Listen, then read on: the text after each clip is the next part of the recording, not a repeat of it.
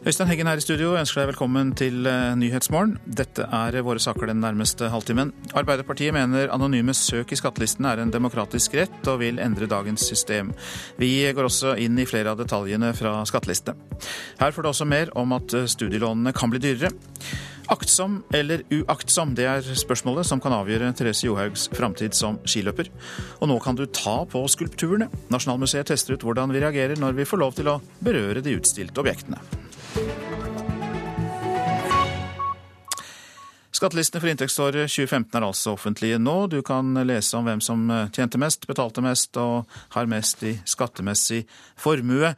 Og Halvard Norum, vi hørte deg jo i Dagsnytt, men du er også kommet til oss. Og hvor mye penger snakker vi om? Ja, det er jo ganske store summer. Eh, vi har jo altså 4,1 millioner eh, nordmenn som er i skatteposisjon i 2015 og har da betalt 478 milliarder kroner i skatt. Og så kan det jo være at noen skal klage på ligningen, og sånn, så disse tallene er jo fortsatt foreløpig. De kan inneholde feil og sånn, men det er på makronivå så er det jo eh, et nokså godt anslag på hvor mye vi betaler i skatt. Og det viser oss at eh, vi betaler eh, fortsatt mer i skatt samlet sett, selv om vi har vært gjennom oljeprisfall osv. I 2013 f.eks. så betalte vi 430 milliarder, så i 2014 var vi oppe i 446 milliarder, og nå er vi altså oppe i 478 milliarder kroner. Så AS Norge får fortsatt en del inntekter. Det var den store totalen, men øh, konkrete mennesker, hvem av dem tjener mest?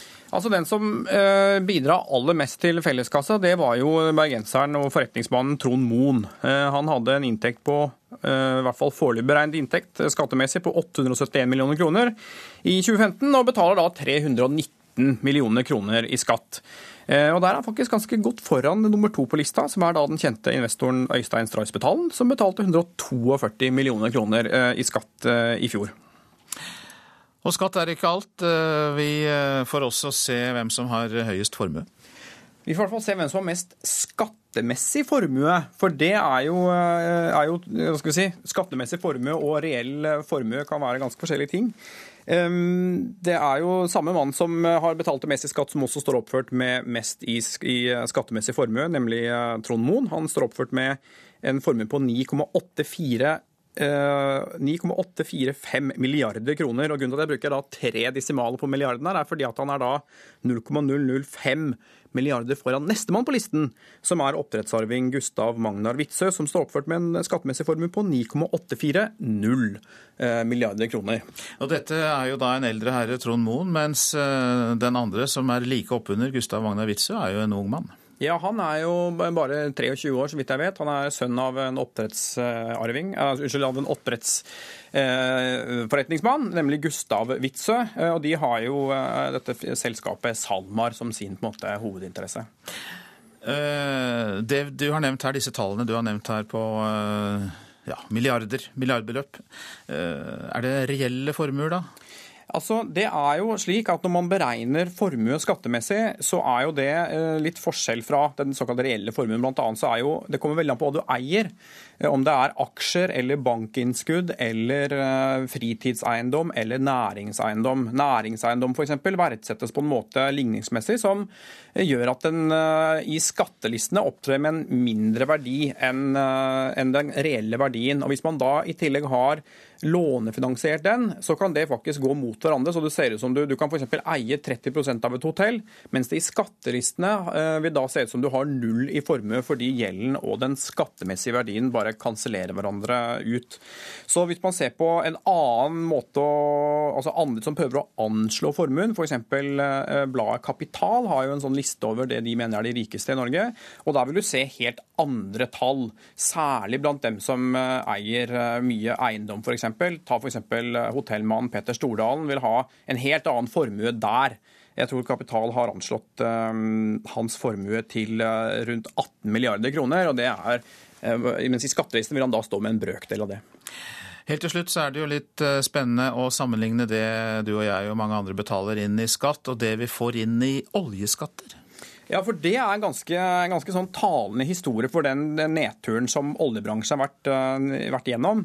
For nå er jo også oljeskattelistene opp, uh, offentlige. og Mens vi da f.eks. I, i 2012 fikk inn 242,6 milliarder kroner i utlignet petroleumsskatt, så har det falt ganske stedig nå, slik at i fjor var nede i 85,6 milliarder kroner. Det er jo et dramatisk fall.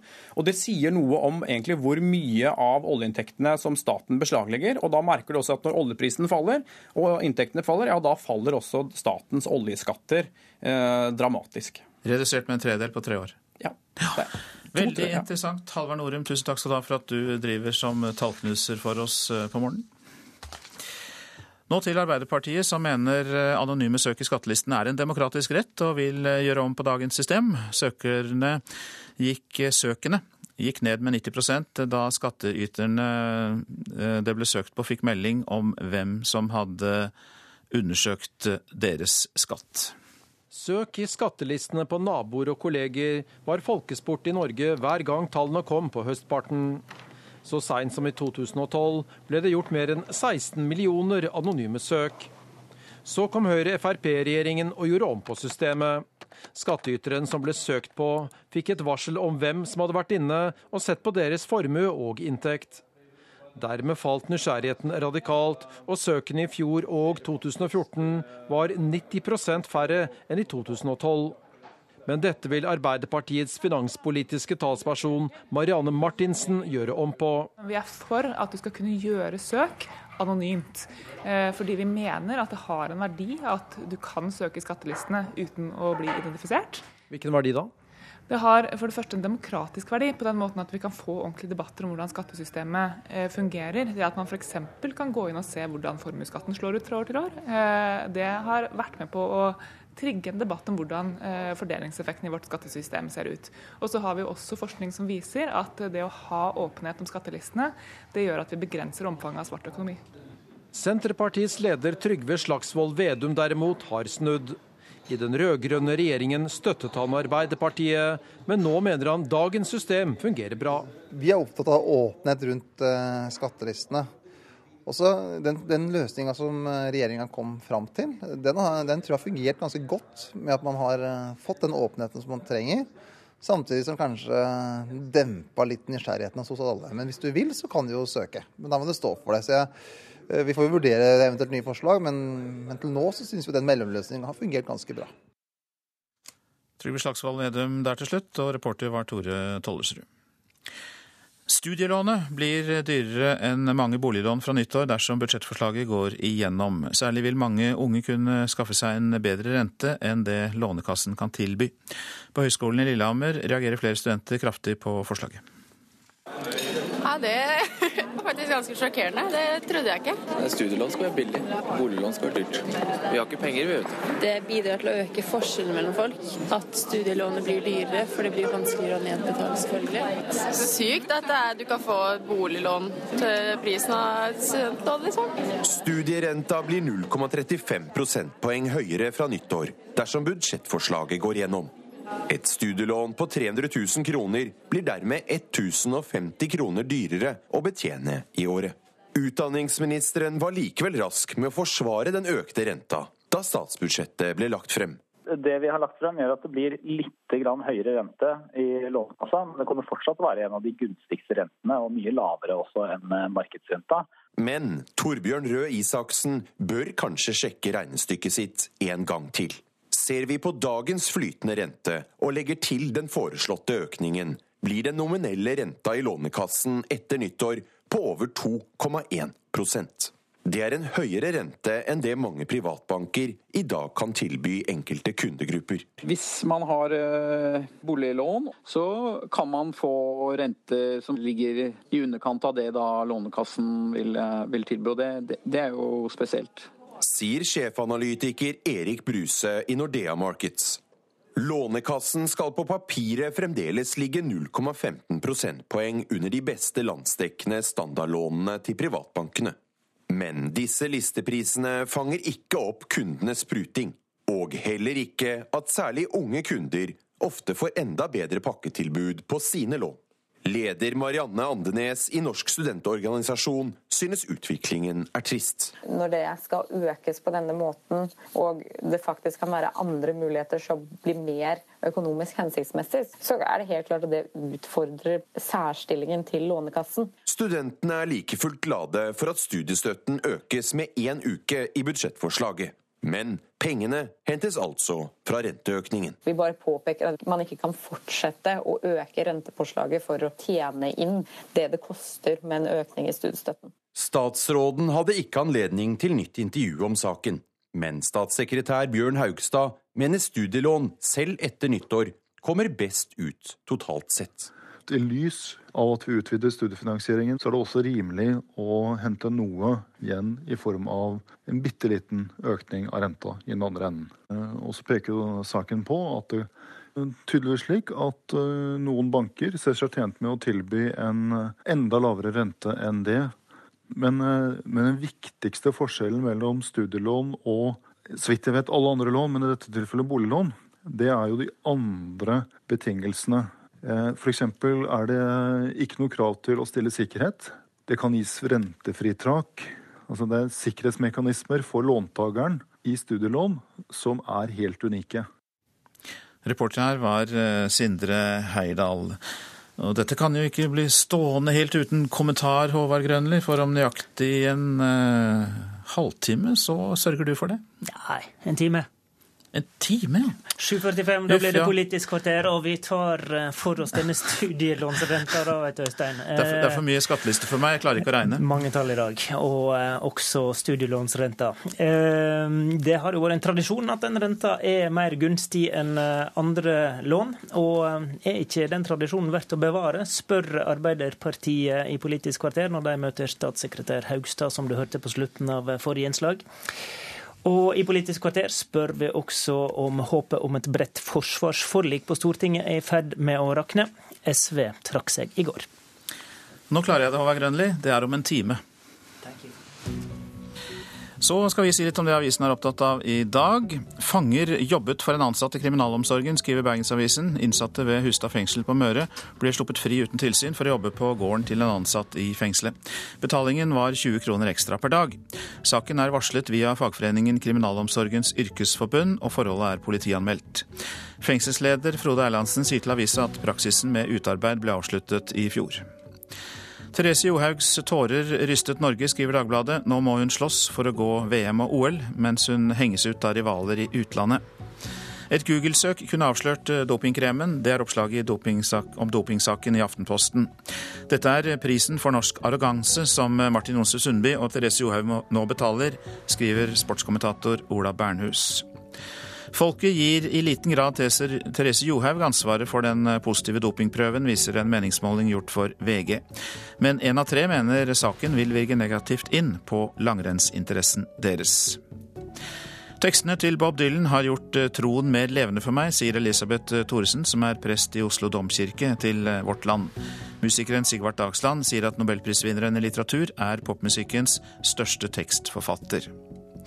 Sangtekster er den mest utbredte formen for poesi i dag, men eh, derfra til å anerkjenne Bob Dylan som en av vår tids største poeter, er lang og dristig vei for Svenske Akademien, skriver Dagsavisens kommentator Geir Rakvåg. Forsvarets helikopter er ubrukelig i dårlig vær, skriver Nordlys. Forsvaret bekrefter at NH90-helikoptrene fortsatt ikke er fullt operative når det er ruskevær på havet. Politikerne på Stortinget valgte å se bort fra fagmilitære råd og startet en forsvarsskandale vi fortsatt ikke har sett slutten på, skriver avisa.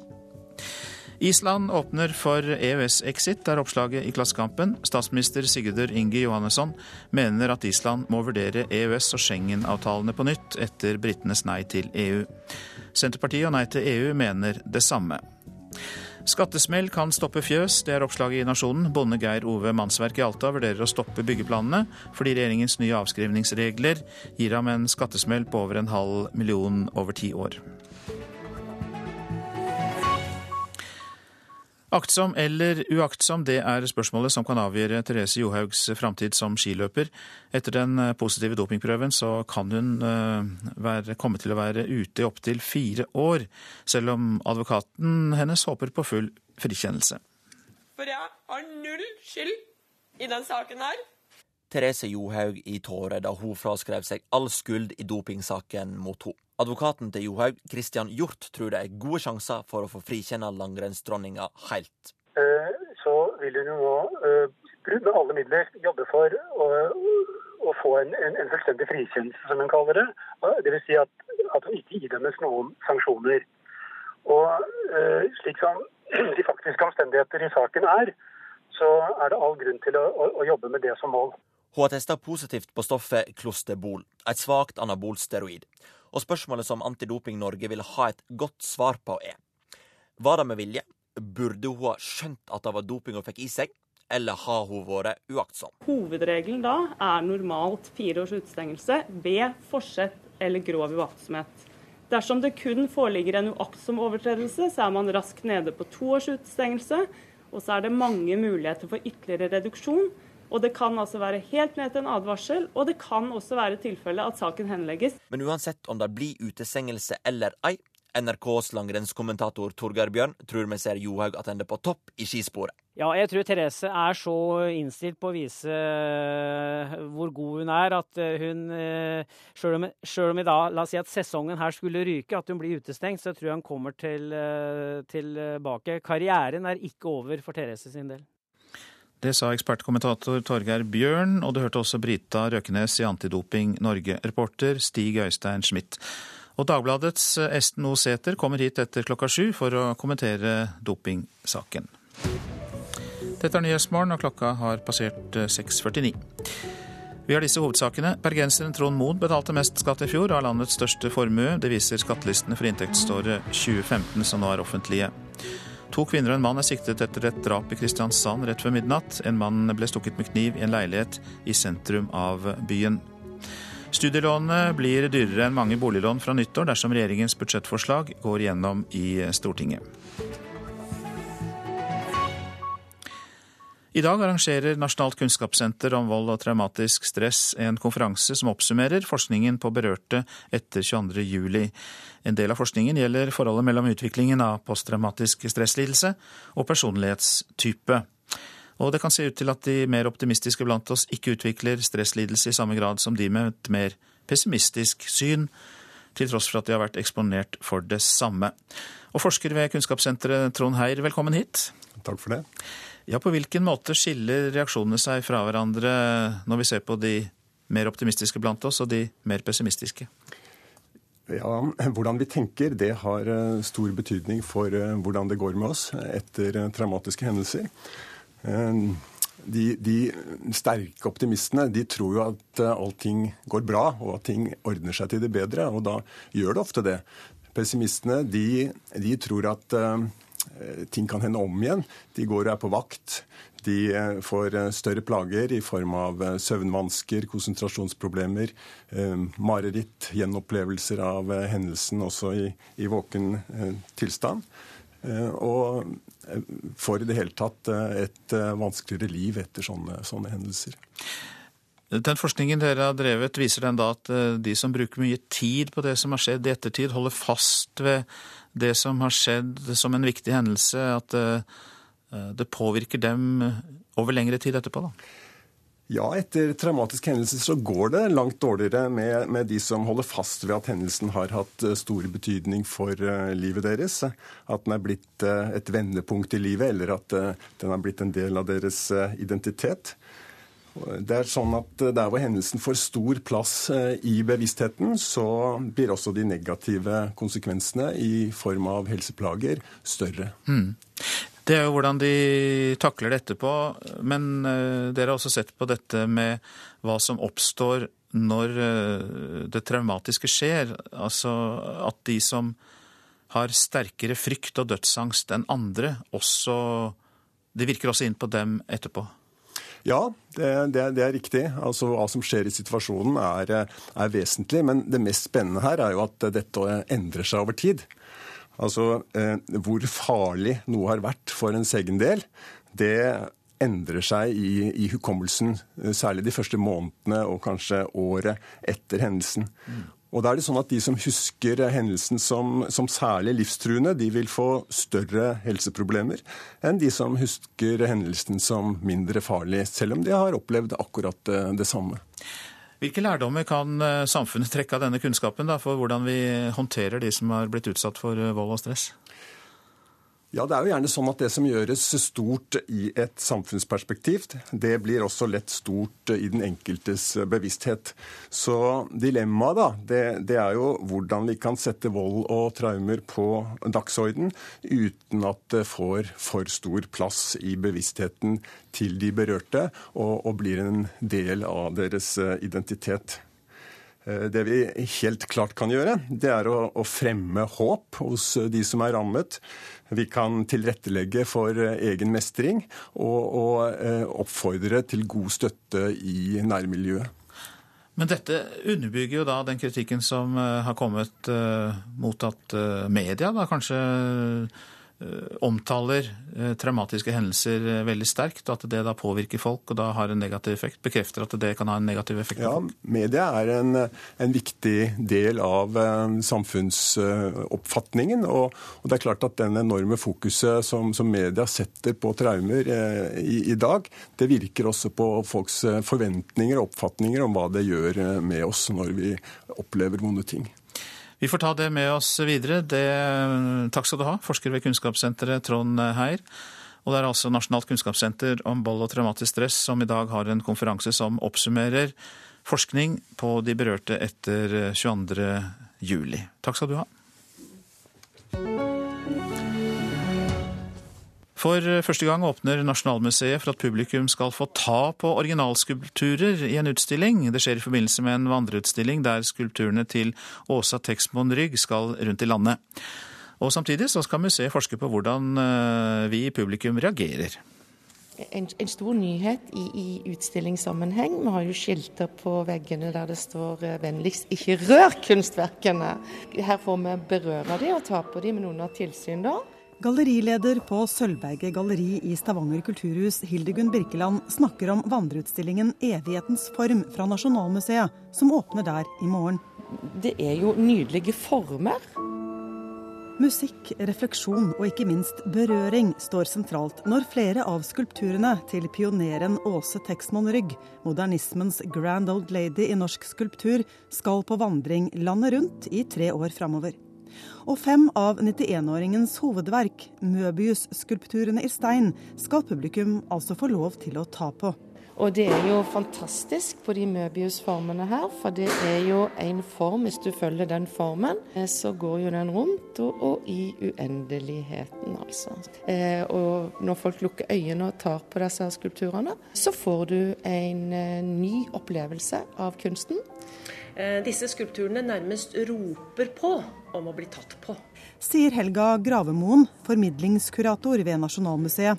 Det er første gang at museet tillater berøring av originalskulpturer på denne måten. Tiden er inne for det. Vi må møte publikum på andre måter. Vi må åpne opp mer, se hvordan kan vi trekke inn nye publikummere til oss. Og det er vesentlig å ta hele sanseapparatet i bruk. Det liker publikum. Konservatorene er jo veldig redde for disse flotte skulpturene hennes, naturlig nok. Så vi må påse at de ikke har ringer eller armbånd eller sånn som, eh, som lager riper i dette. da. Bør man være rein på hendene nå, kanskje? Ja. Sier Hildegunn Brikkeland ved Sølvberget galleri, som også vil få besøk av en observatør. For Nasjonalmuseet skal nemlig forske på publikums reaksjoner i samarbeid med Universitetet i Oslo. Filme eh, publikum for å se reaksjonene deres når de får ta på, på skulpturer, gjerne med bind for øynene.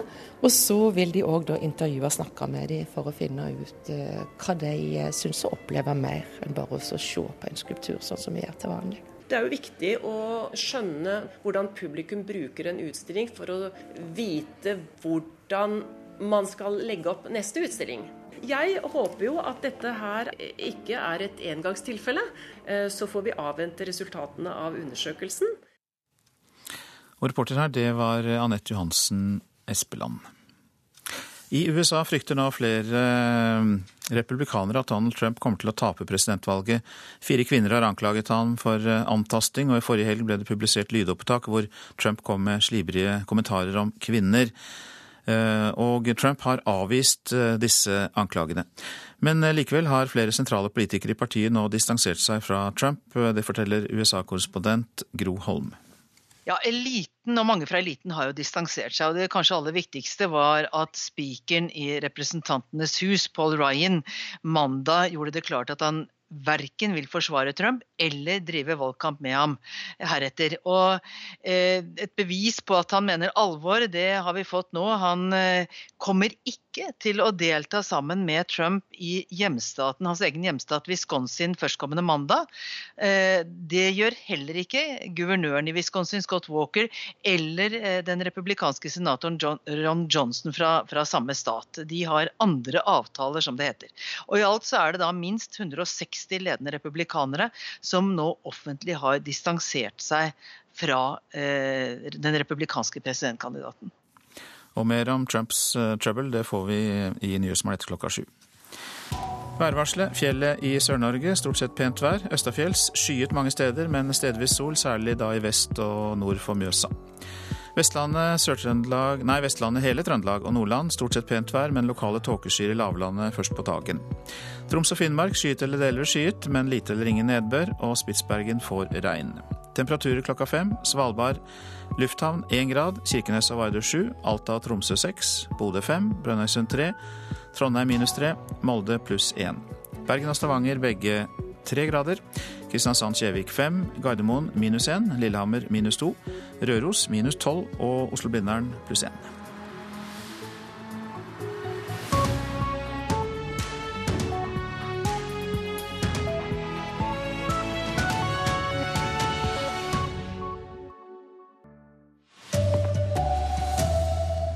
Skattelistene er lagt ut. Norges rikeste mann bor på Vestlandet.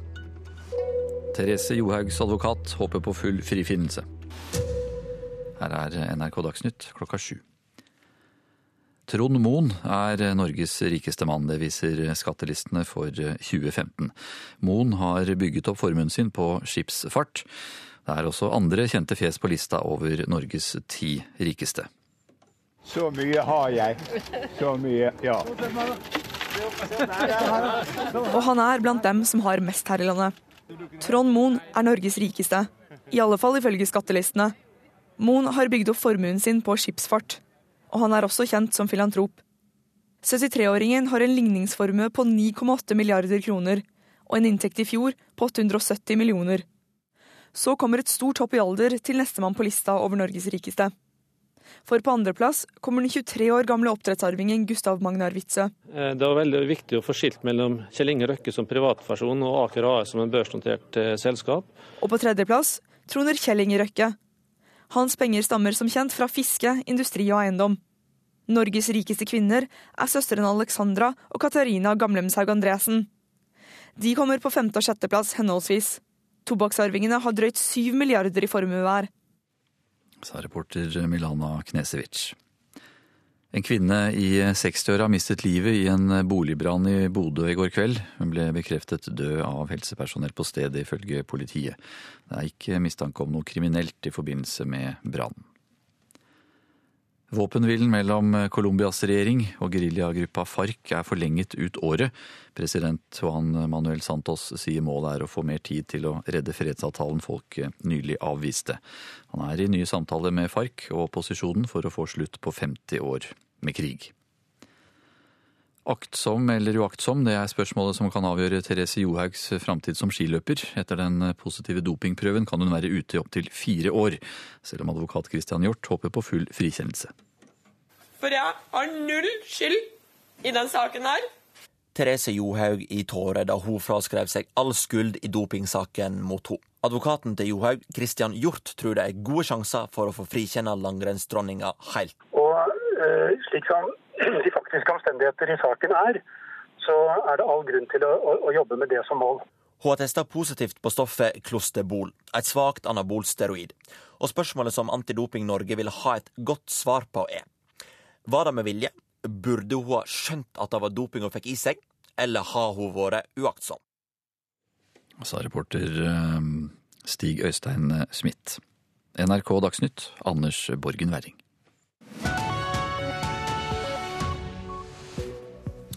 Og mer nyheter får du her i Nyhetsmorgen. De som skal bestemme dommen mot Therese Johaug er i en juridisk skvis, skriver Dagbladets kommentator Esten Osæter i dag. Vi får vite mer om hva han mener med det her i Nyhetsmorgen, for han kommer hit. Mer om skatten vår får vi også, for skattedirektør Hans Christian Holte skal vi også snakke med. Lokførerne streiker for å bevare lokførerutdanningen, men har vært enig med NSB om å kutte denne utdanningen med en tredel. Donald Trump avviser alle anklager om trakassering av kvinner, og langer ut mot avisa New York Times. Reporter Halvard Norum, du er kommet tilbake til oss igjen. Vi skal snakke mer om eh, skattelistene. Og hvor er det folk tjener mest? Ja, Det er kanskje ikke overraskende. Hvis vi ser på kommunenivå, så er det i Bærum kommune. Der hadde man ifølge skattelistene en, eh, en snittinntekt på 478 000 kroner. Eh, men, og snittformuen var for øvrig på 1,35 millioner kroner. Og Til sammenligning så har jo Oslo en eh, snittinntekt på 346 000 kroner. Mens den som, kommunen som står oppført med den laveste snittinntekten, det er, og det har det vært i flere år, Trysil. Eh, der snittinntekten er 186 eh, 000 kroner ca. Så det er vel rundt 292 000 eh, kroner i året under da Bærum. Og er det da i realiteten slik at folk tjener vesentlig dårligere i Trysil? Det er selvfølgelig et veldig godt spørsmål. Jeg tok meg den frihet til å sjekke det som står oppført som antall innbyggere i Trysil, og det er 6548. Mens antall skatteytere i Trysil er 7542, altså 1000 flere. Og Det er jo kanskje litt pussig hvordan henger det sammen. og Stikkordet her er sesongarbeidere. Trysil er jo en kjent eh, skidestinasjon, bl.a. Så der kommer det en del sånn eh, folk som bare jobber noen måneder i året, som skilærere. De jobber ekstra på hotellene, de er renholdere osv. Så, videre. Eh, så de får jo ikke en full årsinntekt, men mange av dem skatter likevel til, til altså blir registrert med inntekten da, i Trysil. Så det er nok grunnen til at snittinntekten da trekkes ned av folk som ikke en, en full, gjør et fullt årsverk. Obs, obs, det kan være vanskelig med tall. Vanskelig å sammenligne fra kommune til kommune, altså? Ja, altså det viser i hvert fall, det eksempelet viser at det kan være vanskelig. Samtidig så er det vel eh, heller ikke noen stor overraskelse at Bærum kommer på, altså på inntektstoppen. Det sammenfaller vel med en del med en del andre observasjoner man kan gjøre. sånn at Eh, det er nok slik i dette landet at, eh, at, de med høy inntekt eh, av og til tenderer til å, flytte dit der bor andre med høy inntekt, og folk med lav inntekt har ofte bare råd til å bo der hvor det bor andre med lav inntekt, for det har med eiendomspriser osv. osv. Men jeg tror nok at den, den sammensetnings- eller sesongarbeidereffekten man ser i Trysil, gjør i at man må ja, man skal være litt varsom da, før man trekker bastante konklusjoner om man sammenligner seg selv med nabokommunen osv. Mange takk skal du ha, Halvard Norum, for at du eh, leter i disse tallene for oss. Skattelistene ble altså lagt ut i går kveld eh, på nettsiden til skatteetaten. Eh, seint i går kveld, og skattedirektør Hans Christian Holte, du er kommet. Velkommen. Tusen takk. Dere offentliggjorde disse tallene fire timer før planlagt. Hva var grunnen til det? Det var litt eh, armer og bein hos oss i, i går kveld. Eh, og det var fordi at det begynte å komme ut opplysninger som var blitt tilgjengelig via kredittvurderingsselskapene. Eh, slik at da fant vi ut at det var greit å legge ut eh, listene noe før vi hadde planlagt. Vi hadde jo tenkt å legge ut disse klokka tre i natt, og så bestemte vi oss for at vi kunne ta det ut klokka 11 i går kveld.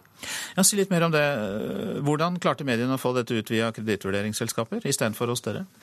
Det skal vi se litt nærmere på nå, akkurat hvordan, eh, hvordan, dette foregikk. Men det er ingen grunn til å tro at det har foregått noe uh, ulovlig her, eller at det har skjedd noen lekkasjer av noe slag. Men vi må se litt på uh, hvor denne informasjonen flyter. Det som jo er tradisjonen, er at vi kommer med dette som en samlet pakke. Og nå begynte det å bli en litt sånn uryddig informasjonsstrøm om dette i går, så derfor gikk vi ut noe tidligere. Men det er interessant for folk å vite at kredittvurderingsbyråene har informasjon om oss. Uh, har, uh, har dere noe tall på hvor mange som da har søkt på de listene dere har lagt ut? Det jeg har, er eh, status rundt klokka seks i dag tidlig. Da var det et sted mellom 12 000 og 13 000 personer, altså såkalte unike søk, i disse listene, og, og til sammen over 60 000 søk. Så det viser at noen bruker natta til hjelp for å gå inn på, på disse listene. I forfjor så ble ordningen endret, altså vi kunne søke ganske fritt. Men nå er det jo da sånn at den det søkes på, får beskjed om hvem som har søkt uh, på dem. Og da falt antall søk med over 90% Betyr ikke det at vi mister en nødvendig sosial kontroll i samfunnet over hvem som betaler skatt og ikke? Dette er jo en, eh, en løpende vurdering, og for så vidt også en politisk vurdering, i balansen mellom Eh, åpenhet, eh, som jo er eh, en verdi som settes høyt i Norge, og hvor vi er unike i internasjonal sammenheng. Og ønsket om å begrense muligheten til å snoke og gå inn og være nysgjerrig på naboens vegne osv. Og det vi ser er, som du er inne på, det er bare en tidel som søker nå i forhold til tidligere. Det som er interessant å nevne også, er at antall tips inn til oss fra publikum det holder seg stabilt, eh, også i denne perioden hvor det har blitt mindre eh, søk. Så det kan jo tyde på at vi får inn, eh, vi får inn interessante perspektiver og opplysninger også på grunnlag av de søkene som gjøres i dag. Hva slags tips er det? Ja, Det kan være ganske mye forskjellig, men det kan jo være alt fra relativt konkrete mistanker om skatteunndragelser til kanskje bare noen som stusser på enkelte tall og ikke får dette til å rime. Så det kan være veldig ulikt. Og Skatteunndragelse det pågår jo fortsatt og skjer ofte via andre land. Eh, eh, så hvordan går dette arbeidet med å hindre skatteunndragelse når vi vet at det også er et globalt problem? Det er jo det virkelig store spørsmålet, og som jeg også samarbeider tett med andre skattedirektører rundt omkring i, i verden om. Jeg får den engelske skattedirektøren her neste uke, bl.a. for å, å diskutere dette. Nå er det en interessant eh, diskusjon internasjonalt også, fordi EU-kommisjonen, som eh, vi vet har gått mer aktivt eh, på banen i dette spørsmålet og forsøker å bruke konkurranselovgivningen. Det er jo da ikke nødvendigvis skatteunndragelser, men altså det vi kan kalle skatteplanlegging fra store, store selskaper. Så det er mye som gjøres nå internasjonalt, både for å gjøre noe med det vi kan kalle skatteunndragelsene, og det som eh, kan gjøres for å gi en eh, rimelig og rettferdig beskatning eh, internasjonalt. Det er også greit å å si at Norge er et ganske spesielt land internasjonalt nettopp med denne åpenheten vi viser i dag om skattelisinformasjon, hvor vi altså viser frem ganske mye. Jeg skal over til England i desember å eh, snakke der, nettopp eh, fordi de ser på Norge som litt, eh, litt, kanskje litt utrert, for å si det sånn, når det gjelder det å vise såpass mye av skatteinformasjon. Så selv om det er strammet inn, så er vi mye mer åpne enn andre? Det er riktig. Mange takk skal du ha, skattedirektør Hans Christian Holte. Lokførerne de eh, streiker og slåss for å bevare lokførerutdanningen på dagens nivå, sier de. Men eh, de har også blitt enige med NSB om å kutte den utdanningen med ett semester. Begge parter i konflikten eh, sitter nemlig i styret for lokførerutdanningen på Jernbaneskolen. Så mens denne konflikten fortsatt raser der ute, så lærer eh, student Fredrik Breiby Ekeberg eh, å kjøre tog eh, via en simulator. Ja, Dagleder Skøyen, fører tog 3872. Er det plass bak meg nå, eller? Skøyen stasjon er denne gangen bare på skjermen framfor han. Toglederen er egentlig læreren i naborommet, og togene kjører altså bare et lite rom innredd som førerhuset i et flytog. Men det virker ekte. Ett og et halvt år tar lokførerutdanninga i dag, pluss mer detaljert opplæring på arbeidsplassen. I sommer gikk styret, der både NSB og Norsk Lokomotivmannsforbund er med, enstemmig inn for å redusere studiet med en tredel, og har søkt nasjonalt organ for kvalitet i utdanninga om godkjenning. Det sier rektor ved lokførerutdanninga, Kai Erik Jensen. I dag har vi 58 ukers utdanning, eller halvannet studieår. Og vi ønsker å gjøre dette til ett års studie, altså 43-44 ukers studie. Men i simulatoren er studenten spent på hva som kommer til å forsvinne. Jeg er jo spent på hva de skal kutte i da. da. For at eh, Jeg kan ikke skjønne at det har vært noe overflødig til nå. Også Lokomotivmannsforbundet, som streiker for å tariffeste standarden på utdanninga, er altså med på å korte den ned, bekrefter lederen Rolf Ringdal. Vi har aldri sagt at det må være ett og et halvt år eller det må være så og så mange uker. Vi har sagt at det må være en, en riktig kompetanse. En kompetanse som ivaretar det som gjelder for å kjøre tog. For, for, folk flest så virker det som konflikten dreier seg om eh, lengden på utdanningen til lokførerne. Samtidig så er man enige i jernbaneskolen om å korte ned den til 44 uker. Er ikke det litt paradoksalt? Eh, det, hvis det er sånn at det, eh, at det stemmer det du sier, så kan jo det være et paradoks. Men det er jo ikke slik det er, og jeg tror ikke at folk uh, har kunnskaper nødvendigvis om nøyaktig hvor mange uker lokførerutdanningen er. Det vi har vært veldig tydelige på, er at det må være en standard som ivaretar kompetansekravene. Hvis du bremser, Allan, stopper toget, løser ut, så vil det ta lengre tid å fylle opp hvis det har en kjempestor airboiler. Mens lokførerstreiken gjør hverdagen vrien for tusenvis, er utdanninga populær. 500 søkte om å få komme inn på 80 plasser i år. Vi utdanner så mange vi bare klarer, sier rektor Kai Erik Jensen. Det er nye ruter som nå settes opp fra NSB, fra Flytoget. Alle ønsker å utvide. Og det er veldig positivt for oss, fordi da kan vi utdanne mange studenter. Utdanninga må være ordentlig, mener studenten Fredrik Breiby Ekeberg. Det er, eh, det er mye teknisk å sette seg inn i. Mekanikk, pneumatikk, elektro det er, det er, ikke bare å dra i to spaker, altså, som det fort fleipes om. Reportere Kjartan Røslett og Emra Senell. Klokka nærmer seg kvart over sju. Dette er eh, hovedsaker. Bergenseren Trond Moen betalte mest i skatt i fjor og har landets største formue. Det viser skattelistene for inntektsåret 2015, som nå er offentliggjort. Selv om mulighetene til å søke i skattelistene er blitt begrenset, har vi et mye åpnere system enn mange andre land. Det sa skattedirektør Hans Christian Holte her i Nyhetsmorgen nettopp. Våpenhvilen mellom Colombias regjering og geriljagruppen FARC er forlenget ut året. President Juan Manuel Santos opplyser i en tale nå i natt at målet er å få mer tid til å redde fredsavtalen som folket avviste i en folkeavstemning nylig nylig. Jeg er helt knust. Jeg er vanvittig fortvila. Og jeg er forbanna. Det fins ikke ord som beskriver hvor jævlig jeg hadde ei uke nå. Therese Johaug i går. Det ble jo da kjent at hun eh, testet positivt på det forbudte stoffet klosterbol. Fikk det i seg ved bruk av kremen trofodermin på en solforbrent leppe. Og landslagslegen Fredrik Bendiksen forsikret Johaug om at kremen ikke inneholdt forbudte stoffer. Sportskommentator i Dagbladet, Esten Osæter, velkommen. Takk. Du skriver i en artikkel i dag at de som skal dømme Johaug, er i en juridisk skvis. Hvilken? Ja, Årsaken til det er denne Martin Jonsrud Sundby-saken som eh, ble avsluttet for en tid siden. Der eh, hadde jo de norske juridiske myndighetene når det gjelder idrett, eh, de hadde frikjent eh, Martin, i likhet med Det internasjonale skiforbundet.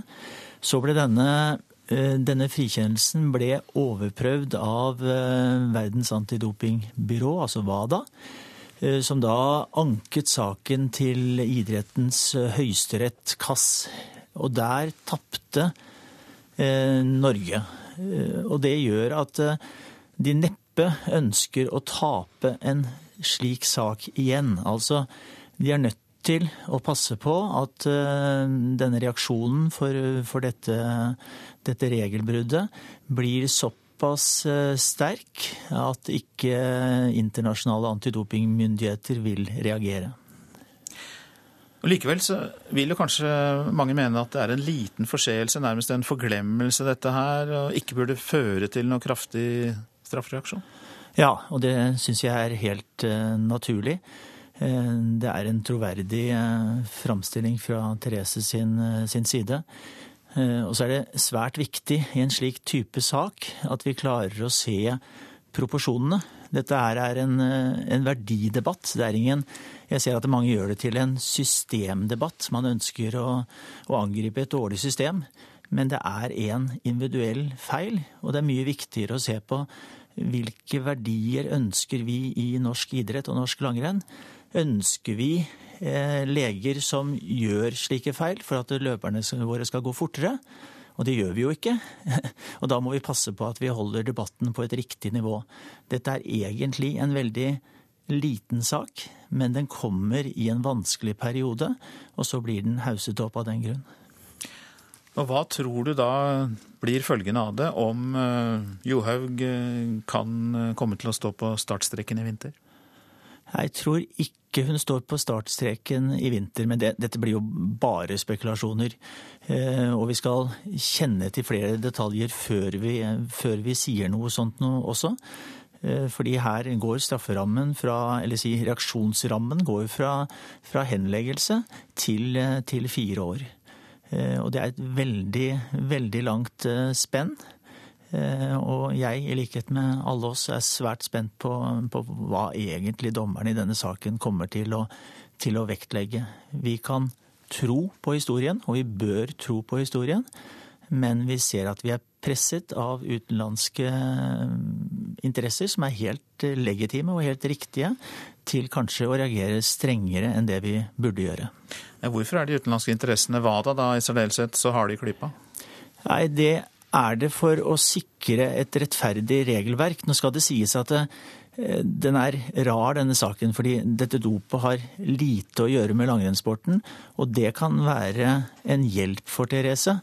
Der hvor eh, debatten rundt eh, astmamedisin er, er viktig i utholdenes idrett, så er dette et gammelt dop som sjelden blir brukt i utholdenes idrett.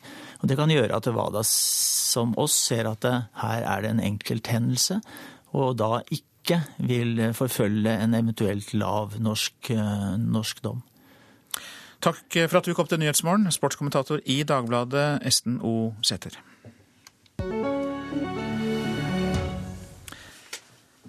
I Thailand er det klart at kong Bumibols eh, sønn tar over eh, tronen. Eh, korrespondent Peter Svaar, du er i Bangkok. Det er formiddag hos deg nå. og Hvordan preger kongens død Thailand i dag? Ja, vi sitter i bil nå og kjører gjennom eh, Bangkoks eh, gater og er på vei til Smaragdbuddha-tempelet, der kongens båre nå etter hvert skal eh, fraktes i en prosesjon klokken 13 lokal tid. Bangkok er kledd i svart i dag. Jeg ser ut av bilvinduene her alle rundt meg som går i svarte klær, og folk flokker også i samme retning som oss mot dette tempelet for å få et glimt av båre når den kommer inn. Restauranter restauranter og butikker her er stengt i dag. Det er erklært en eh, offentlig fridag. Og det skal altså være en eh, årelang landesorg som eh, nå har startet. Det betyr også at de neste 30 dagene så kommer også serveringssteder og barer her i Thailand til å holde stengt. Kongens sønn skal ta over, men han har bedt om å få tid på seg før han skal overta. Hvorfor det? Den offisielle forklaringen er at, eh, som, som statsminister Prayut Chan-Ocha eh, ga i går, er at eh, kronprins Vardira Longkorn har bedt om mer tid for å kunne sørge sammen med sitt folk. Men det er klart at i den grad det har vært en uro omkring dette tronskiftet, så er det jo ikke slik at den uroen blir mindre av at det nå vil la vente på seg før de formelle beslutningene tas om, om kongens etterfølger. Så er det vel slik at folk i Thailand ikke vet så mye om ham. Altså Man må være nøye med hva man sier om kongehuset i Thailand, for det er jo strenge straffer for uh, å si for mye, og spesielt uh, kritiske ting. Ja, jeg tror jeg skal nøye meg med å, å, si om kronprinsen at han uh, jo har bodd de siste årene i Tyskland. Han har jo kommet tilbake hit til til eh, Bangkok nå. Og eh, i Tyskland har han, eller de siste årene, han har vært gift en rekke ganger. Eh, men som du sier, det er jo slik at man, i hvert fall når man rapporterer her fra Thailand, må være svært påholden med, med hva man sier om de kongelige. Kongemakten har hatt en stabiliserende rolle i thailandsk politikk, et land som jo er preget av sterke motsetninger. Hvordan tror analytikerne at dette vil utvikle seg framover, dette med kongerollen? Ja, Det er jo det som på mange måter er spennende å se nå. Thailand har jo vært i en dyp politisk krise i det siste tiåret, med rødskjorter mot eh, gullskjorter, altså landsbygd mot by, og med sivile og militære eliter som står eh, mot hverandre, og hvor kongemakten har vært den stabiliserende kraften, har vært eh, ankerfestet i dette veldig urolige og ofte ganske voldelige og blodige landskapet, med flere militærkupp bare det siste tiåret. Og det er jo eh, i hvert fall ingen tvil om at dette er en stor utfordring nå for militærjuntaen her, å håndtere denne, dette tronskiftet og, og, den tiden som nå kommer, på en, på en rolig måte. Da skal du ha korrespondent Peter Svaar, som eh, er i eh, Bangkok. Litt om det avisene er eh, opptatt av. Fanger jobbet for en ansatt i kriminalomsorgen, skriver Bergensavisen. Innsatte ved Hustad fengsel på Møre ble sluppet fri uten tilsyn for å jobbe på gården til en ansatt i fengselet. Betalingen var 20 kroner ekstra per dag. Saken er varslet via fagforeningen Kriminalomsorgens yrkesforbund, og forholdet er politianmeldt. Fengselsleder Frode Erlandsen sier til avisa at praksisen med utearbeid ble avsluttet i fjor. Therese Johaugs tårer ryster Norge, skriver Dagbladet. Nå må hun slåss for å gå VM og OL, mens hun henges ut av rivaler i utlandet. Et Google-søk kunne avslørt dopingkremen. Det er oppslaget om dopingsaken i Aftenposten. Dette er prisen for norsk arroganse som Martin Jonsrud Sundby og Therese Johaug må betale, skriver sportskommentator Ola Bernhus. Folket gir i liten grad Therese Johaug ansvaret for den positive dopingprøven, viser en meningsmåling gjort for VG. Men én av tre mener saken vil virke negativt inn på langrennsinteressen deres. Tekstene til Bob Dylan har gjort troen mer levende for meg. Det sier Elisabeth Thoresen, som er prest i Oslo domkirke. Det sier hun til Vårt Land. Musikeren Sigvart Asland sier at nobelprisvinneren i litteratur er popmusikkens største tekstforfatter. Sangtekster er den mest utbredte form for poesi i dag, men derfra til å anerkjenne Bob Dylan som en av våre tids største poeter, er en lang og dristig vei å gå for Svenske Akademien, skriver Dagsavisens kommentator Geir Rak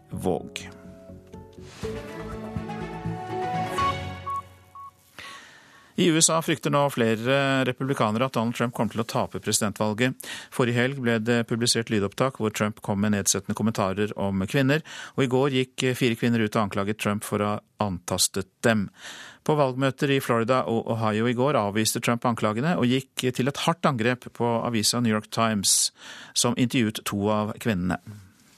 They've slandered and libeled me with false accusations, but we will not let these lies distract us from our campaign. And it's a campaign of truth. It really is. In an earlier speech today, I addressed the fact that I was falsely accused. And I think possibly some of you have seen it or watched it. It's a disgraceful thing that you can be on the front page of the failing New York Times, and it is a failing newspaper. It's third rate people, I'm telling you, third rate bad people, bad people, sick people. Falske anklager eh, viderebrakt av New York Times, som han da eh, kaller en eh, fallert avis med tredjerangs medarbeidere. USA-korrespondent Gro Holm følger valgkampen og har mer om Trumps reaksjoner på anklagene. Ja, Han har sagt uh, på flere møter, han sa det senest i går, at anklagene er fullstendig falske. At media har baktalt og løyet om ham. Og at en del av disse kvinnene har han aldri noensinne møtt. Han uh, truet jo også da med å gå til rettssak mot New York Times, som har offentliggjort historien til uh, to av kvinnene. Og, og visepresident Mike Pence har også kastet seg inn i debatten. Det skjedde i går. Da sa han at påstanden om at Trump har kysset og befølt kvinner mot deres vilje er helt uten belegg, og at det er Clinton-kampanjen som står bak disse påstandene. Det har vært en uke preget av mange dårlige nyheter for Trump-kampanjen. Hvordan reagerer da eh, andre republikanere på det som er kommet fram? Ja, eliten og mange fra eliten har jo distansert seg. og Det kanskje aller viktigste var at spikeren i Representantenes hus, Paul Ryan, mandag gjorde det klart at han verken vil forsvare Trump eller drive valgkamp med ham heretter. Og eh, Et bevis på at han mener alvor, det har vi fått nå. Han eh, kommer ikke til å delta sammen med Trump i hjemstaten, hans egen hjemstat Wisconsin førstkommende mandag. Eh, det gjør heller ikke guvernøren i Wisconsin, Scott Walker, eller eh, den republikanske senatoren Ron Johnson fra, fra samme stat. De har andre avtaler, som det heter. Og I alt så er det da minst 160 ledende republikanere som nå offentlig har distansert seg fra eh, den republikanske presidentkandidaten. Men det er jo fortsatt de i partiet som støtter ham? Ja, det er det. Han har jo absolutt noen kjernevelgere som synes å være trofaste nesten samme hva han gjør. Eh, og, og, dessuten er det viktig at han fortsatt har partiorganisasjonen i ryggen. Og partiorganisasjonen er viktig for Trump nå fordi han har et svakt valgkampapparat selv på bakken og trenger partiet eh, lokalt. Og formannen der, Rains Prebus, han, han har nok distansert seg fra enkelte ting som Trump sier, men han støtter fortsatt presidentkandidaten. Hvis vi da ser på rivalen hans, demokratenes kandidat Hillary Clinton, har ikke vært bare enkelt for henne heller? Nei, det har ikke det. Det kommer stadig nye lekkasjer fra Wikileaks. og det siste er jo da eh, offentliggjorte e-mailer eh, mellom han som nå er kampanjesjef eh, for eh, Hillary, og det er en e-mail bl.a. fra november 2014 der han forsøkte å bruke kontakter i Obama-administrasjonen til å flytte tidspunktet for primærvalget eh, nå i år i Obamas hjemstat Illinois, fordi han trodde det ville tjene Clinton. Nå skjedde ikke den flyttingen, men det sier jo noe om hvordan maskineriet rundt Clinton-dynastiet tenker og opererer. Og det er det mye av disse Wikileaks-lekkasjene går ut på. Det, er, det kaster et lys over Clinton som, som, bekrefter det at hun opererer som hun er hevet over vanlige måter og vanlige lover og regler. Det sa korrespondent Gro Holm, som jeg snakket med like før eh, sending. Du lytter til eh, Nyhetsmorgen. Produsent i dag Ingvild Ryssdal, og her i studio Øystein Heggen. I Politisk kvarter blir det debatt om studielånsrenta mellom Bjørn Haugstad, statssekretær eh, for Høyre, og Marianne Aasen, som representerer Arbeiderpartiet. Og i Politisk kvarter så blir det også spurt om håpet om et bredt forsvarsforlik på Stortinget er i ferd med å rakne.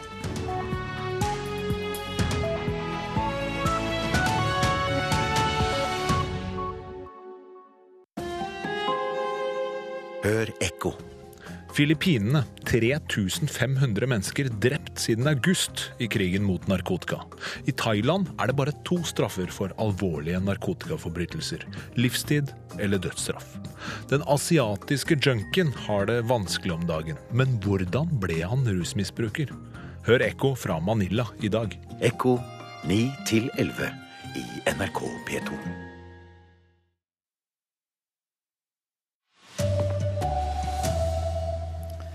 Norges rikeste har en formue på nesten 10 milliarder kroner. Studielånet kan bli dyrere enn banklån neste år.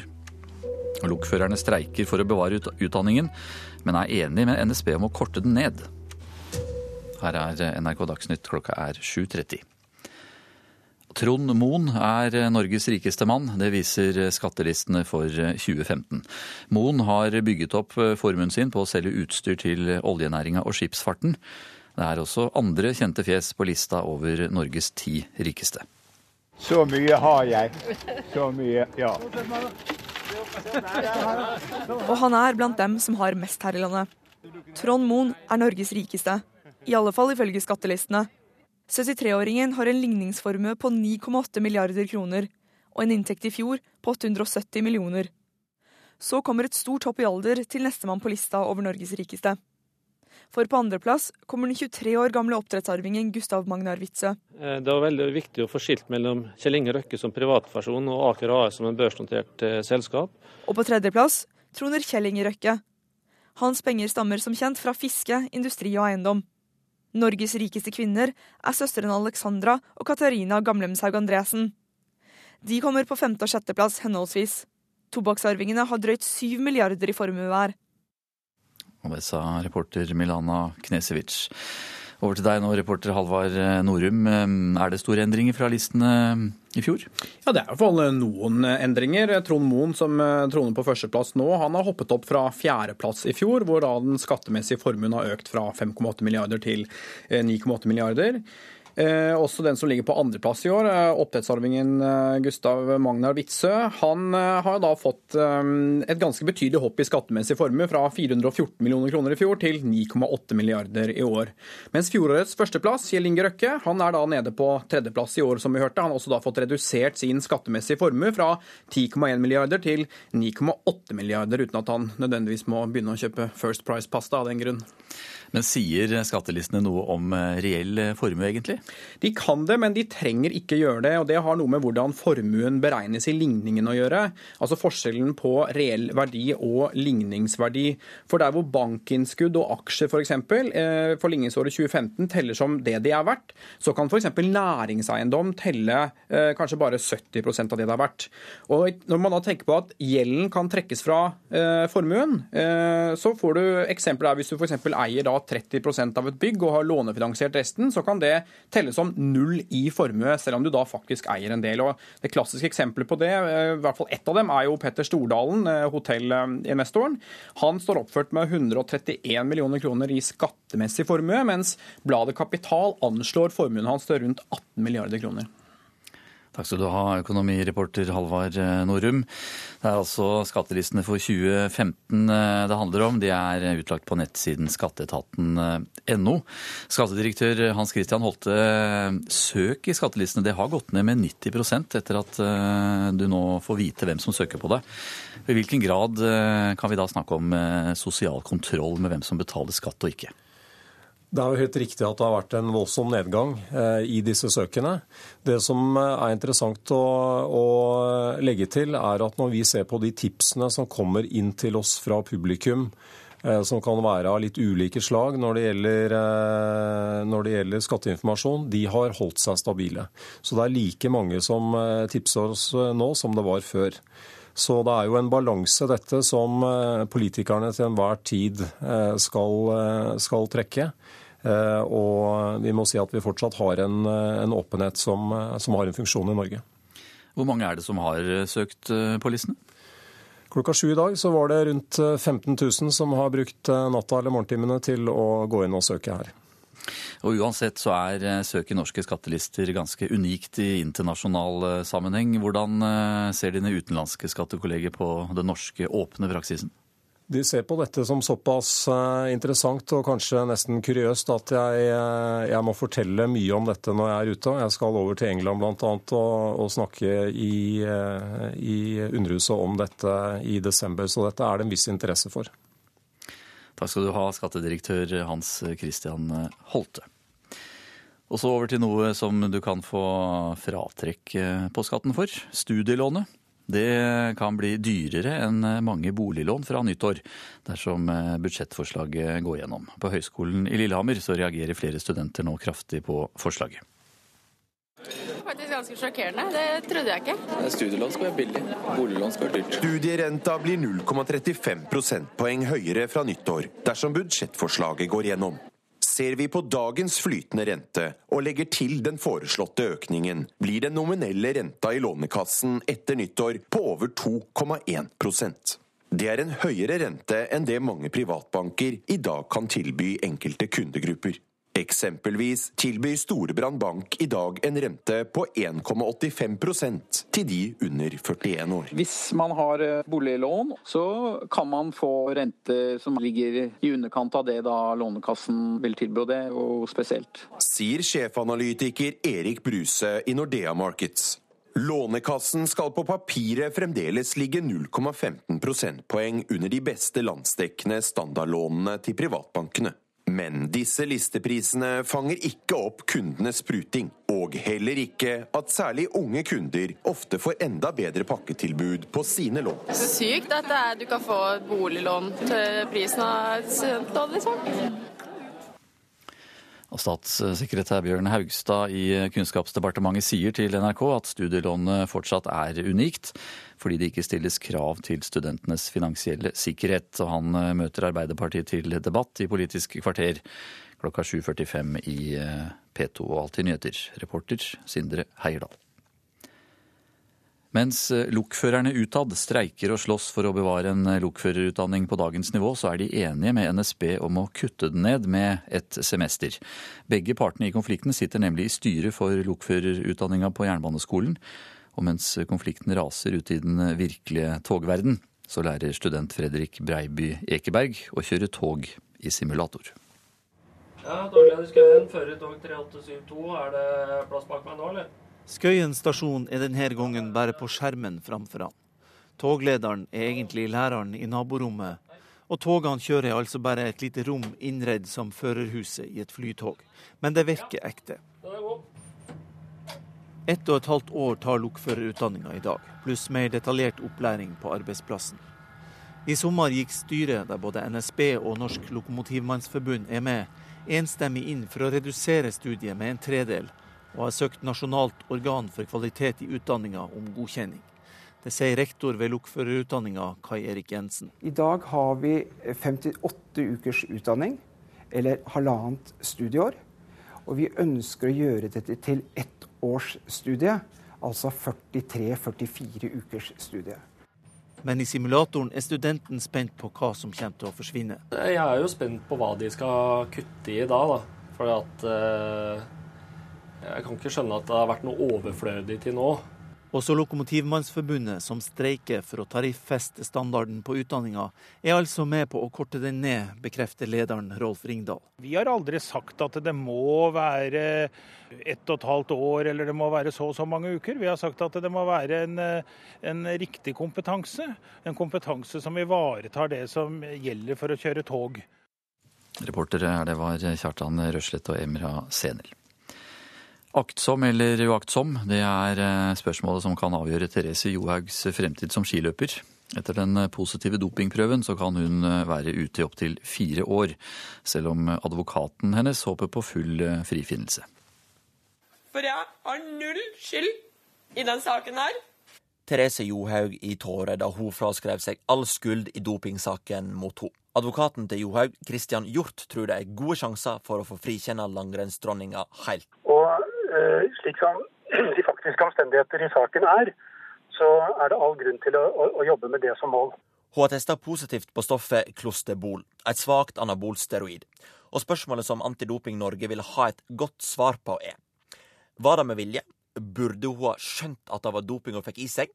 eller har hun vært uaktsom? Hovedregelen da er normalt fire års utestengelse ved forsett eller grov uaktsomhet. Dersom det kun foreligger en uaktsom overtredelse, så er man raskt nede på to års utestengelse.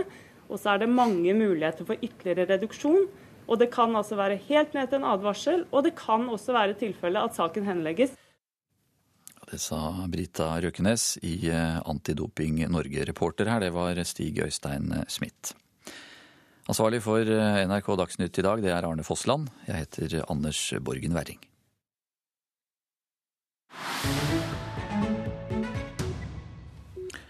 Og du lytter til eh, Nyhetsmorgen.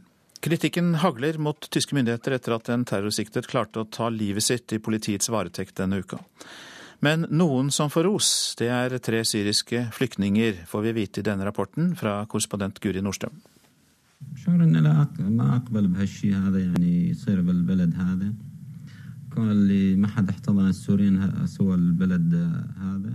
Det er ingen som har tatt syrerne så velkomment imot som Tyskland. Vi respekterer dette landet. Derfor vil vi ikke at noe trist skal skje her, sier Mohammed A. Flyktningen fra Syria sitter med grå hette og ryggen til kamera. Anonymt forteller han historien sin til nyhetsbyrået Reuters. Historien om hvordan han og to kamerater sannsynligvis avverget et terrorangrep mot en av flyplassene i Berlin denne uka. Det startet lørdag. Da fikk han en melding via et nettsted for syriske flyktninger. Han ble spurt om han hadde overnattingsplass i leiligheten i Leipzig.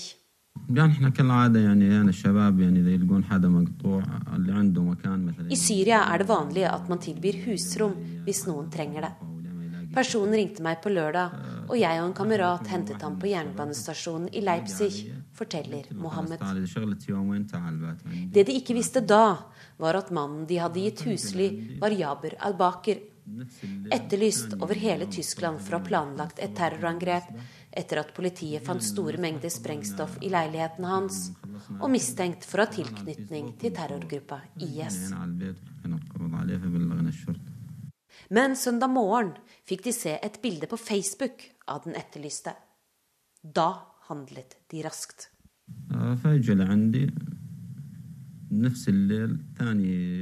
Vi bandt ham fast med en skjøteledning. Han forsøkte å bestikke oss, men vi sa det ikke var aktuelt, forteller Mohammed.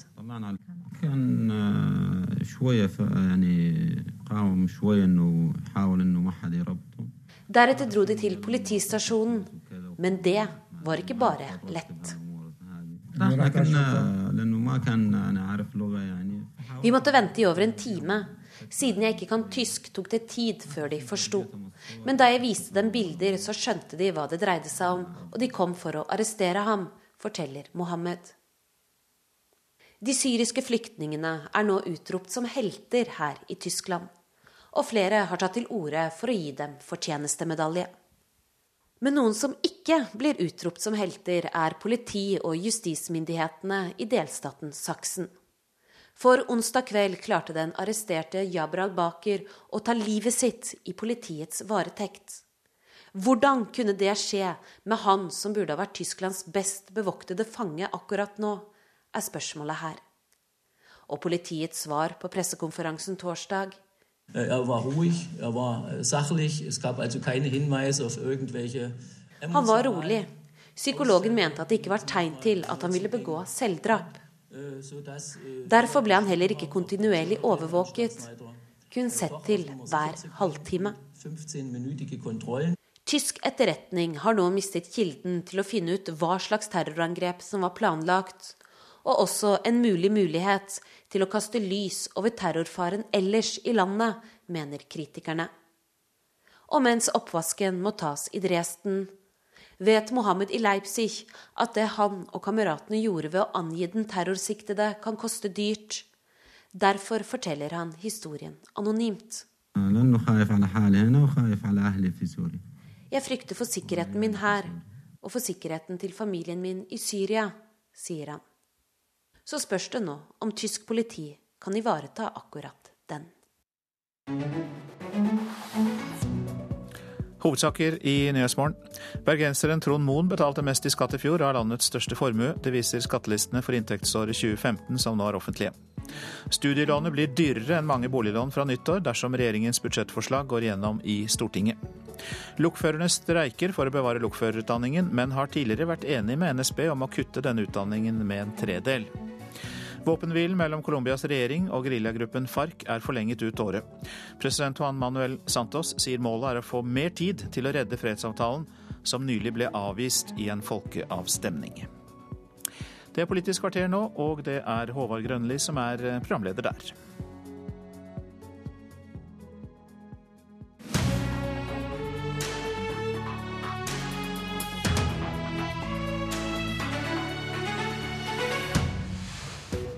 Nå blir studielånet dyrere enn huslån.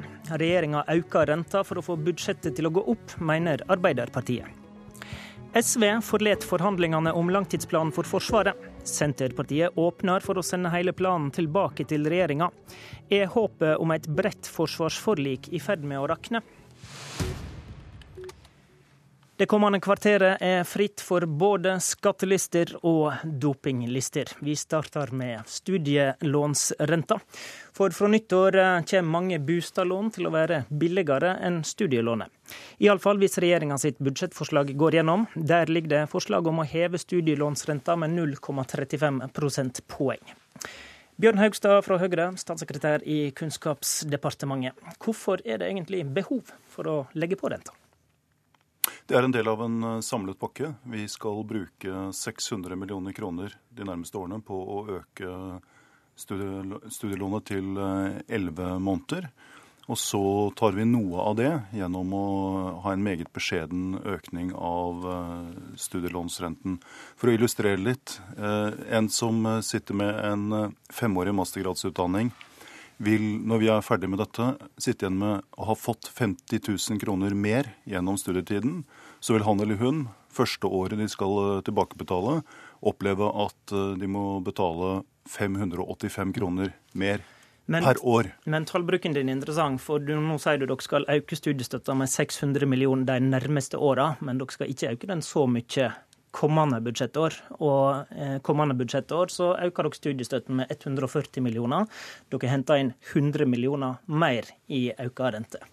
Det står ikke i forhold til hverandre. Det er, for, det er riktig at vi tar uh, denne økningen nå, men vi syns det er uryddig å skulle på si, holde på med å øke renta og gjøre andre ting år etter år. Så vi tar den på si, egenbidraget fra studentene selv Eh, eller ikke studentene, men de som er i en tilbakebetalingssituasjon. Det tar vi nå. Og så tar vi eh, innfasingen av dette over fire år, okay, som er så- avtalen i Stortinget, og som er det studentene har forventet. Ok. Så 0,35 opp nå, og så lover du at den blir stående? Er det det du sier, da? Ja, Den ligger nå under den såkalte normrenta som Finansdepartementet setter, som er som gulvet. men over, Og der kommer men den til- over markedsrenta? Og der kommer den til å forbli. Vel, markedsrenta for noen typer lån, men det er ingen som ville skaffe seg eh, et studielån i det åpne markedet på de betingelsene man får et studielån, for det har helt egne sikringsmekanismer. Eh, du trenger ikke å stille sikkerhet i det hele tatt. Du eh, får eh, betalingsutsettelse hvis du ønsker det, inntil tre år. Du får kan få tilbake eh, på avskrevet eh, både renter og, og lån hvis du blir varig ufør f.eks. Så det er noen sikringsmekanismer i, i Lånekassen som er helt unike. Marianne Aasen, du sitter i utdanningskomiteen for Ap. Disse sikkerhetsmekanismene de forblir. Hvorfor er det da så problematisk å legge litt på renta på studielånet? Nei, Regjeringen her gir jo elleve måneders studiestøtte til press fra Stortinget, og det er bra. eh, Men eh, de tar det jo igjen med den andre hånda. Eh, Og det er ikke en del av det som ble avtalt i Stortinget, i og for seg. Ok, Så det er et avtalebrudd? Nei, vi har jo ikke gjort en avtale som sådan. Så det, men, men det som kanskje er, eller er poenget her, da, er at Norge bygde jo opp etter krigen en fantastisk ordning, nemlig Statens lånekasse for utdanning. Eh, og det er helt riktig at det er noen for viktige fordeler med det. At, det, at du ikke, det er avdrags- og rentefrihet under studiet. Du trenger ikke noe sikkerhet for å ta den opp. Eh, og det, er, det går til livsopphold, eh, i motsetning til de fleste andre lån. Eh, Men det som har vært viktig, er at vi har en forutsigbarhet rundt disse betingelsene, inklusiv renta. Og renta har alltid vært hovedprinsippet, at den alltid har vært lavere enn renta i markedet. Eh, Nettopp for at vi vil som stat at flere skal ta utdanning, og dette skal være forutsigbart over tid. Så han eh, bryter et prinsipp her, da? Ja, og det har, det har vært et par unntak. Og det har vært når endringene i renta har vært eh, kraftige og skjedd veldig raskt, for da har ikke staten klart å følge med, med de ordningene som han har hatt. Så I 2009 f.eks., under finanskrisen, hvor det var mye turbulens, så var renta høyere i Lånekassa. Men jevnt over så har den jo hele tiden vært lavere. Og Litt treghet i systemet. Ja, hva er oppsiktsvekkende? at man salderer. Det er jo det man egentlig gjør. Man må finne penger. Eh, Det har åpenbart regjeringen vanskeligheter med, selv om de bruker veldig mye oljepenger til akkurat dette formålet, og det er Arbeiderpartiet kritisk til. Haugstad. Altså, noe som er interessant her, eller det er flere ting som er interessant. Først første er at Arbeiderpartiets engasjement for studieøkonomien den begynner eh, 9.9.2013. Frem til det så har de hatt makten i åtte år og gjort veldig veldig lite. Vi måtte øke antallet studentboliger, som er veldig viktig bidrag for studentøkonomien. Vi har også hvert eneste år eh, vi har sittet i regjering, økt studiestøtten utover forventet prisvekst, sånn at studentene nå sakte, men sikkert har tatt innpå andre grupper i samfunnet. Så de får et regjeringsinitiativ, 3400 kroner mer i måneden. Men Nå dere, er det dere bryter stort- et prinsipp, sier Aasen, når dere da finansierer dette med å legge på renta. Er du komfortabel med det? Jeg er overhodet ikke enig i at vi bryter noe prinsipp. Prinsippet er at vi ligger under det som Finansdepartementet kaller normrenta, som er en størrelse som alle politikere eh, kjenner til. Og der skal den fortsatt ligge. Så dette er et, eh, et lån som ligger langt under det du kan få i, eh, få i markedet. Så er det jo ikke Stortinget som har presset på dette. Det er jo ikke Arbeiderpartiet som har, presset, altså, som har hatt noe som helst innvirkning på at vi nå får elleve måneder. Det er regjeringspartiene i Stortinget i samarbeid med KrF og Venstre som i forhandlinger kommer frem til at det skal vi prioritere, og det Åsen, gjør vi. Åsen, er det ikke greit om vi finansierer dette øka studiestøtte med at vi som er 40 år, får en liten eh, større utgift? da? Jo, men først må jeg bare si det med 11 måneders studiestøtte. Det var jo for at det var jo ikke flertall i Stortinget for noe annet. Sånn at eh, Det var vel en kamp fra studentorganisasjonene når dere regjerte, òg, for å Ja, si det Jo, jo, men det ble jo et, eh, I 2000, budsjettet for 2014 så ble det jo en enighet om, om akkurat det. At, og det var fordi at eh, det var flertall i Stortinget for at det var, var ikke noe å diskutere engang. Men er det ikke greit Men- at men vi som er ferdige ferdig å studere, gir litt da, for at studentene skal få Men det som skjer, at dette kan jo forsterke ulikhet. Fordi det som, når du har en sånn situasjon, at når du er ferdig student, da, skal begynne ta, tar, tar opp lån, så er det de som da sitter og har bolig, eh, sitter med sikkerhet, har god forhandlingskort på håndene, kan gå til, gå til bankene. Da kan de veksle inn studielånet sitt og få enda lavere rente på det. Er du ikke i den situasjonen, så må du ta til takke da, med statens eh, ta til takke med i gåseøynene, statens lån, som da blir dyrere, eh, hvilket forsterker ulikheter. Den, jeg mener at på sikt så skal studielånsrenta okay. være lavere enn det du får i det kommersielle takk markedet. Takk til Marianne Aasen, og takk til Bjørn Haugstad.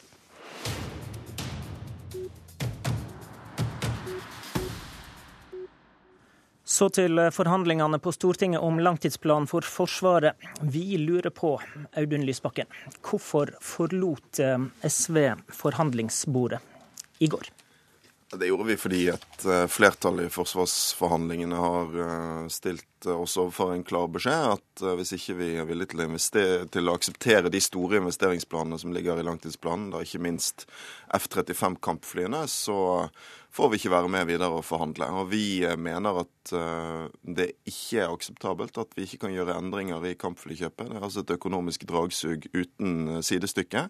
Og vi mener at hvis vi skal ha et forsvarspolitisk klokt og et økonomisk ansvarlig opplegg, så må Norge være klar til å gå noe ned på bestillingen av kampfly for å skape rom for det vi i SV mener er viktigst for et sterkt nasjonalt forsvar nå. Investeringer i Hæren, i Kystforsvaret og i beredskap i Nord-Norge. Betyr det med rene ord at at du mener det ikke kan um, skaffes rom til her investeringer uten å kutte i flybestillinger? Nei, jeg tror det blir veldig vanskelig. For vi vet alle hvor eh, stramme de økonomiske rammene kommer til å bli i statsbudsjettene i årene fremover. Oljepengefesten er over. Og da tror du heller ikke på å jekke opp uh, bevilgningene totalt da, til langtidsplanen? Nei, jeg, jeg er redd for at vi enten vil ende opp med et forlik der vi ikke har rom for veldig viktige investeringer i Hæren, i Kystforsvaret, i beredskapen i nord, mm. eller et forlik som kaster blår i øynene på folk ved rett og slett å legge inn for mange ting, mye mer enn det politikerne i realiteten vil kunne prioritere. Mens det reelle valget er Enten så står vi fast på regjeringens forslag om et altfor stort kampflykjøp, som kommer til å gå utover forsvarsevnen i andre deler av Forsvaret, eller så reduserer vi det, sånn som mange andre Nato-land har gjort, for å skape rom for andre nødvendige investeringer. Øyvind Halleraker, du forhandler på vegne av um, regjeringspartiene, du er fra Høyre. Du har sagt at du ønsker et bredest mulig forlik. Hva er din reaksjon på at SV bryter? Nei, det er riktig. Vi, vi har ønsket et bredest mulig forlik om dette tiden. Vi mener at eh, dette er en av de viktigste sakene vi faktisk behandler i denne fireårsperioden. Det å sikre Norge et, eh, et troverdig og fremtidsrettet forsvar. Så når eh, SV nå velger å trekke seg ut, så, så må vi bare be, beklage det. Er det totale antallet kampfly på 52 ufravikelig? Ja, det er det. Det er. Eh, kampflyene, det er ubåtene og det er eh, overvåkingsflyene. Så hvis en skal få mer til landstyrkene, da, som SV ønsker, så må i tilfelle totale investeringer opp fra de 165 milliardene over 20 år som regjeringa foreslår. Er det mulig å få til mer enn det? Nå eh, sier ting om landmakten som delvis ikke er riktig. Det ligger inne over 5 milliarder i investeringer i landmakten allerede de første fire årene. og ca. 30 milliarder i 20-årsperioden. Men den landmaktstudien som vi også skal eh, utrede, utrede nå i, i hurtig tempo, vil også avklare men, men, de 30 milliardene. Men uh, Halleraker, jeg lurer på, er det, er det mulig å jekke opp totalpotten? Det kan jeg ikke si noe svar på nå, men vi har i hvert fall eh, spurt det spørsmålet til samtlige partier rundt bordet. Og vi har ikke registrert at det er eh, særlig vilje til å gå utover de 165 milliardene som regjeringen har foreslått. Ok, Da skal vi høre med Liv Signe Navarsete, forsvarspolitisk talsperson i Senterpartiet. Følger du Lysbakken sitt resonnement om at kampflyordren ødelegger for satsinga på landstyrkene? Eh, jeg er opptatt av totaliteten. Senterpartiet ønsker at vi skal vedta en eh, langtidsplan som er, en langtidsplan for alle forsvarsgreinene. Nå er vi invitert til å vedta to, en to-tredelsplan. Uh, og, og, det betyr at vi er nødt til å se på alle, alle, investeringer. Det kan, kan, være kampfly. Når det var jo vi som la fram kampflysaker når vi satt i regjering. og og det kan sitte et godt stykke inne og, og endre på det, selv om vi òg faseforskyver dem med ett år. Men, men du er åpen for å diskutere om en bør redusere antall fly, du også, da? Ja, enten det, og så har vi òg de maritime overvåkingsflyene, der uh, forsvarssjefen hadde en annen tilråding uh, enn det som, uh, som er kommet fra regjeringa i dag. Der han hadde tanke om det som mange land har, nemlig at nå kommer droneteknologien for fullt. Er det riktig å investere så mye nå i maritime overvåkingsfly, når kanskje det går ut på dato om noen år? Og vi har nettopp uh, rusta opp Orion-fly for nærmere en milliard, så det, så det er noe der òg okay. som vi kan så, kikke på. Så også du vil skaffe rom for flere investeringer i landstyrkene, men jeg vil er det et, et, litt moment til. Jeg vil heller ikke utelukke å øke ramma. For Senterpartiet Nei, vet ikke at vi skal, jobbe mot, vi skal jobbe opp mot 2% som Erna Solberg og regjeringa har lova i Nato, i Wales, at en skulle gjøre. Det har òg Høyre og Frp lova. Slik sett så er det jo rart at de både vil holde ramma, de skal holde fast på alle de tre store investeringene, og da blir det rom for andre ting. Du hører jo Halleraker her, det er usannsynlig, sier han. Ja, jeg hører hva han sier. Men hvor masse penger har du, da? Nei, jeg har ikke mer penger enn flertallet har, slik er det. Uh, en må ha, bli, få ei semje om dette. Og jeg skal være ærlig og si at i løpet av åtte år som statsråd så har jeg vært i ganske mange forhandlinger. Det er svært sjelden at en møter opp og sier at alle de store, vesentlige elementene ligger fast, og så kan du forhandle på småpengene. Det er ikke så særdeles interessant. Men eh, Lysbakken, siden du har brutt ut, da, tror du ikke på det Navarsete hopper på her, at det er mulig å jekke opp totalpotten? Altså Senterpartiet og SV jeg tror jeg i stor grad er enige om hvilke prioriteringer som må gjøres. Men eh, nei, jeg mener for det første at uh, jeg, et opplegg som har alle disse 52 kampflyene i seg, vil være økonomisk uansvarlig. Altså Vi snakker om en innkjøpspris på 70 milliarder, en levetidskostnad over de neste 30 årene på 260 milliarder kroner. Altså et vanvittig utgiftssluk. Uh, mens de aller viktigste oppgavene for å opprettholde et troverdig, sterkt nasjonalt forsvar for Norge, det handler om å kunne mm. opprettholde Kystjegerkommandoen, om å kunne uh, ha uh, investeringer i, uh, i Hæren. De tingene som det ikke kommer til å være plass til, fordi regjeringen insisterer på dette, og der er jeg enig med Liv Signe, pussige forhandlingsopplegget, der man altså så tidlig i, uh, i uh, prosessen møtes av et ultimatum på det aller dyreste. Navarsete, hva gjør Senterpartiet da hvis det ikke kommer mer til landstyrkene? Da kan Senterpartiet ikke delta i et forlik. Det, det er helt klart. Så da bryter dere også ut? Ja, for det vi ser med denne langtidsplanen, det er at eh, en får en svekka hær. Eh, en vil redusere sterkt Heimevernet. Og på kysten er det jo store områder som blir lagt brakk. Eh, fordi at både Kystheimevernet og Kystjegerkommandoen er tatt ut. Altså, Vi ønsker å styrke alle forsvarsgreinene. Og det å ha en skikkelig hærstyrke, det er noe andre Nato-land satser på, og det bør òg Norge gjøre. Du åpna i går kveld for å sende hele planen tilbake til regjeringa. Hva oppnår du med det? Da må vi få tilbake en helskapelig plan som, tek, eh, som prioriterer mellom alle forsvarsgreinene, og som ser det i en sammenheng. For det er kun på den måten vi kan få et sterkt forsvar av det norske territoriet i framtiden. Takk til alle tre. I studio, Håvard Grønli. Hør flere podkaster på nrk.no podkast.